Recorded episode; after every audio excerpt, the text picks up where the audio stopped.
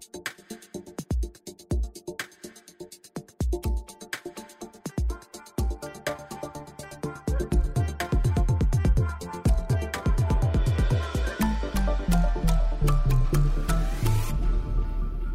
Snøhetta er et av verdens mest innovative selskaper innenfor arkitektur og design, og på mange måter er de vel et symbol på den norske merkevaren i utlandet.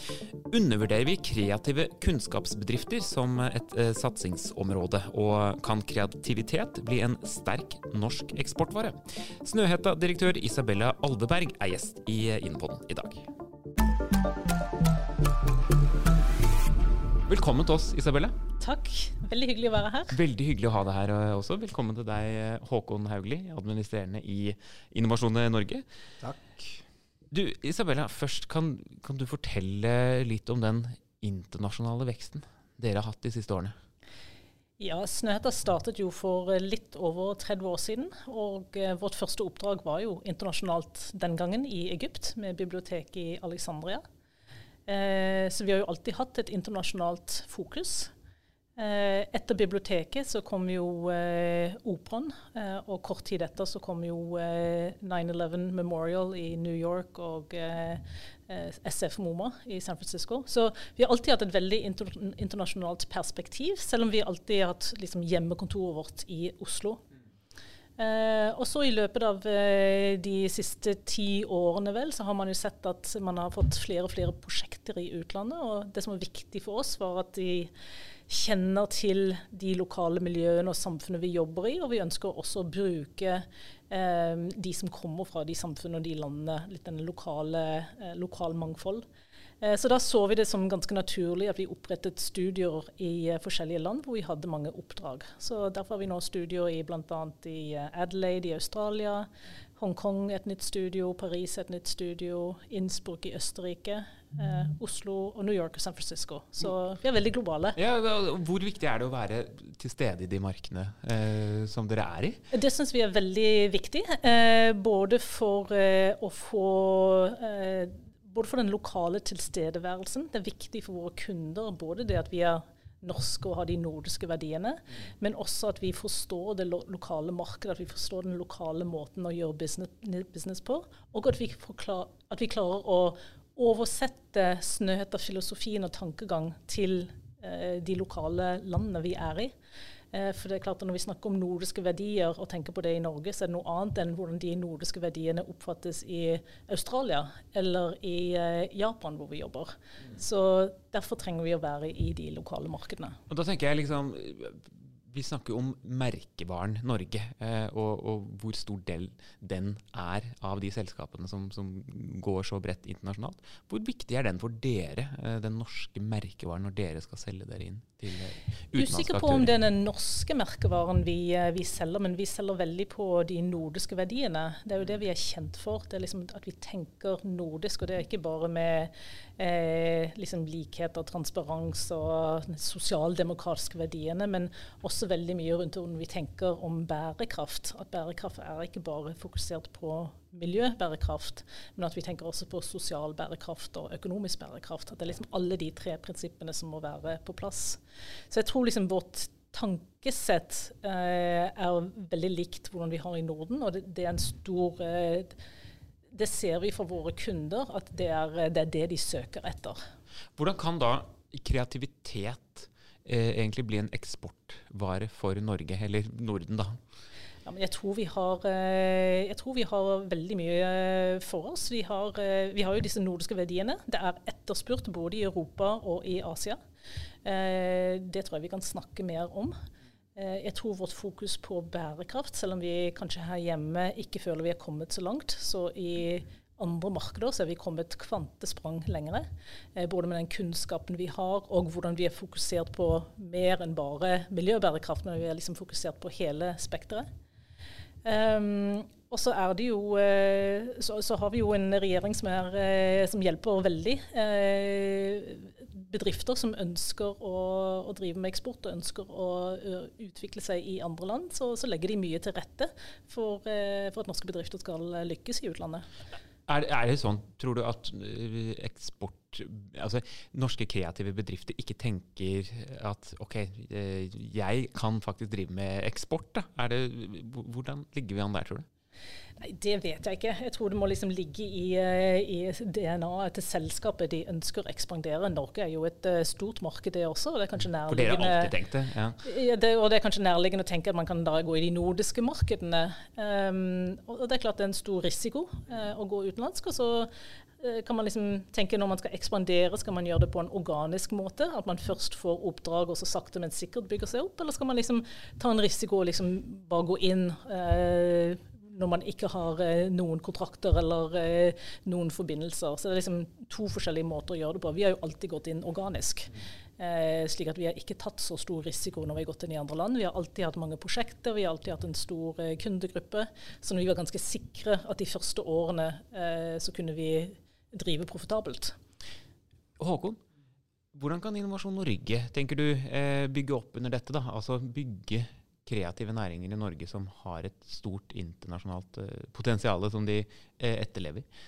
Altså, bare Gå tilbake til ditt første spørsmål. da Undervurderer vi kreative næringer i et uh, næringsutvikling og eksportresonnement? Uh, resonnement. det mm. tror jeg er riktig, det gjør vi. Men så er det viktig hva Hvorfor er det? Nei, jeg tror uh, det er lettere å forholde seg til det som er fysisk vi kan ta og føle på, enn det er til det som ikke er like lett å ta og føle på. Og der er jo Snøhetta et fantastisk, en fantastisk bedrift, jeg må bare si det. Og der er det jo litt av begge deler, da, kan man kanskje si, fordi de byggene står jo der. Men det tjenesten som Snøhetta leverer, den er jo faktisk noe annet. Det er kunnskap, og uh, gjerne vil kall, godt kalle det kreativitet. Og det gjør at det utfordrer litt hvordan vi tenker rundt f.eks. når vi skal fremme norsk eksport. Da. Hvordan, hvordan etablere den type relasjoner, eh, den type innganger. Det vil være andre, og alle bedrifter er unike, så jeg skal ikke være altfor generell, men jeg tror vi må tenke annerledes rundt noen av disse kunnskapsbedriftene enn det vi gjør når det gjelder vareeksporterende bedrifter. Og Der er det nok litt lag, da, selv om jeg opplever jo at vi i Innovasjon Norge er jo veldig bevisst dette. Vi har også til og med et eget oppdrag som går på å fremme kreativ teknologi i utlandet.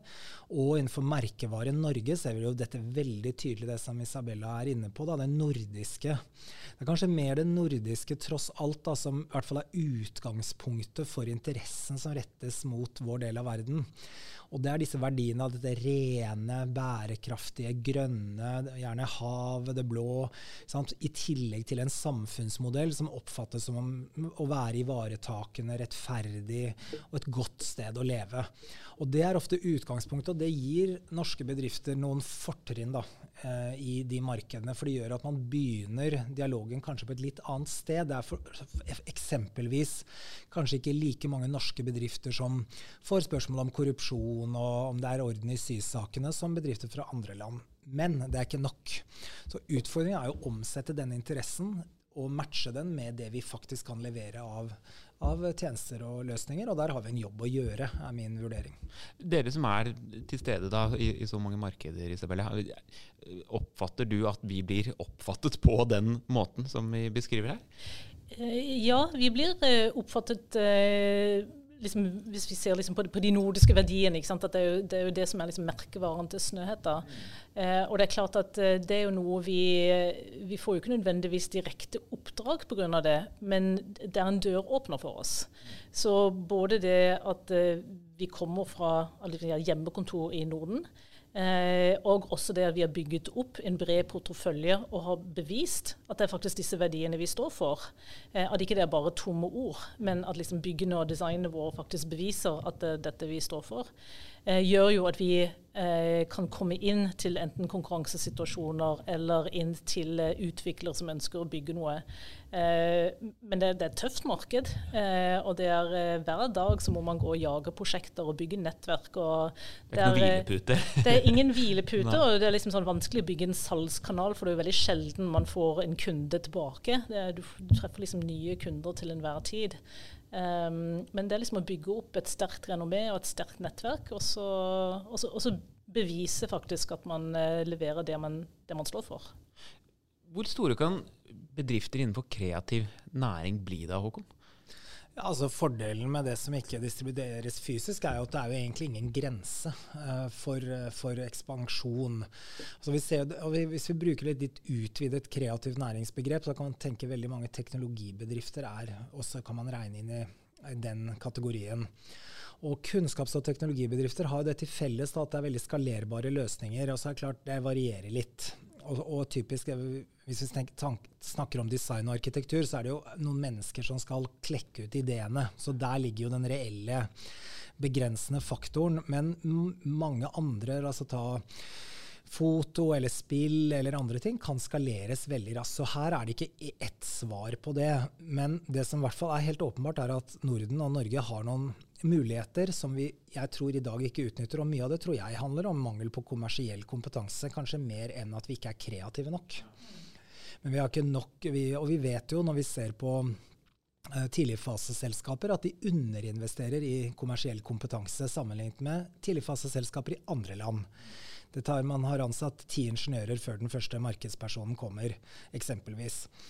I tillegg så vet vi noe annet, og det er at Sveits er det eneste landet som har en sterkere merkevare bare på landnivå enn Norge. Og det innebærer at, og det vet vi jo, for altså alle intuitivt har jo sånn Made in Switzerland har vi alle et forhold til. Vi bruker ikke Norge tilsvarende i vår markedsføring utad. Dette er begrunnelsen for Merkevaren Norge-prosjektet som vi er eier av. Her er det en lang vei å gå, tror jeg, før vi greier å etablere den type, og utnytte da, den kommersielle kraften som ligger i den merkevaren, og som vi vet gir bedriftene eh, en bedre bunnlinje fordi det, er, det, det, er en verdi som kan hentes ut bare ved at det er norsk. Og den igjen er jo knyttet til disse mer grunnleggende verdiene. Man vet at man får Har man lagt en bestilling, så gjør leverandøren det leverandøren har sagt de skal gjøre, osv. Så, videre.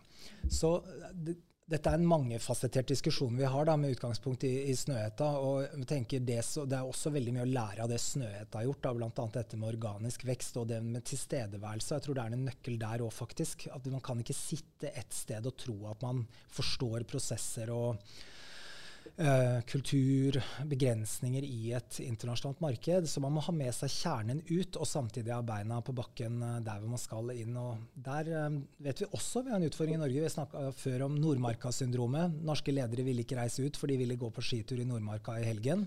Og det er klart det er noen ting som faktisk er uforenlig. da. Bo i et land i Asia og gå på skitur i Nordmarka hver helg, det mm. går ikke. Vet ikke om du er på, mye på ski, eh, Isabella, men, men, men, jeg tenker det med kommersiell kompetanse, da, vi gå litt tilbake til det også. Du er jo ikke arkitekt selv.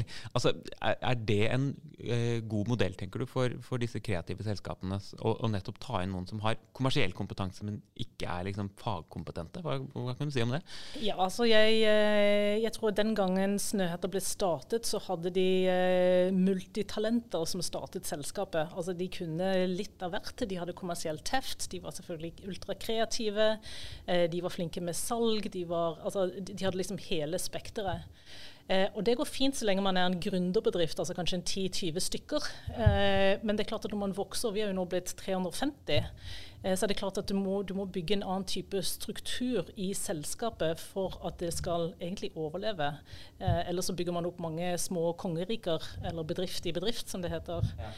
Um, så når jeg kom inn for, eh, for, tre år siden, så hadde de strengt tatt aldri hatt en daglig leder for hele konsernet, fordi det hadde vokst så organisk hit og dit, og det var liksom veldig lite tydelig struktur.